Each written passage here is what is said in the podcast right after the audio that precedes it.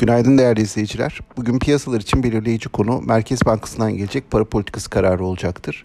Piyasa 50 ile 100 bas puan arasında bir faiz indirimi ihtimalini bir süredir konuşuyor. Son dönemde bu ay bir değişikliğe gidilmeyeceği, gidilmeyebileceği ihtimali de gündeme geldi malumunuz. Ee, diğer taraftan yine piyasaların bugün yine yakından izleyeceği bir konu OECD mali eylem görev gücünün açıklayacağı bir liste olacak. Bu listede işte para transferleri ve mali uyuma ilişkin organizasyon tarafından riskli görülen ülkeler yer alıyor.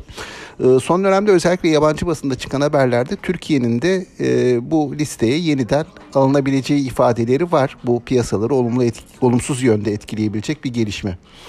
Dün endekslerin seyrine baktığımızda ABD hisse senedi endekslerinin özellikle bankalar, havacılık ve enerji hisseleri öncülüğünde yukarı hareketini sürdürdüğünü gözlemledik.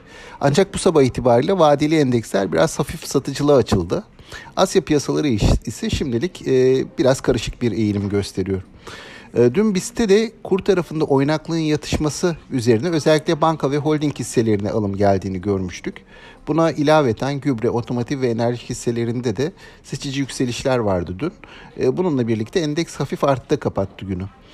Ee, buna karşılık dün endeksi sürükleyen havacılık hisselerinde Rusya'nın yeni salgın tedbirleri getireceği açıklaması kar realizasyonu için bahane olarak e, kullanıldı. Burada da aşağı yönlü bir hareket gördük. Bugünkü beklentilere baktığımızda PPK kararı demiştik başta. Bu e, günün en önemli gelişmesi ve belirleyici olacak. E, dolayısıyla bu karar öncesi piyasaların yatay seviyelerde hareket etmesini, karar sonrası ise kurdaki tepkiye bağlı olarak yön bulmaya çalışmasını bekleriz.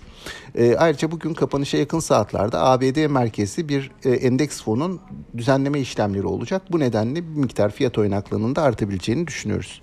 Şimdilik aktaracaklarımız bu kadar. Sağlıklı, bol bereketli kazançlı günler dilerim. Yeniden görüşmek üzere.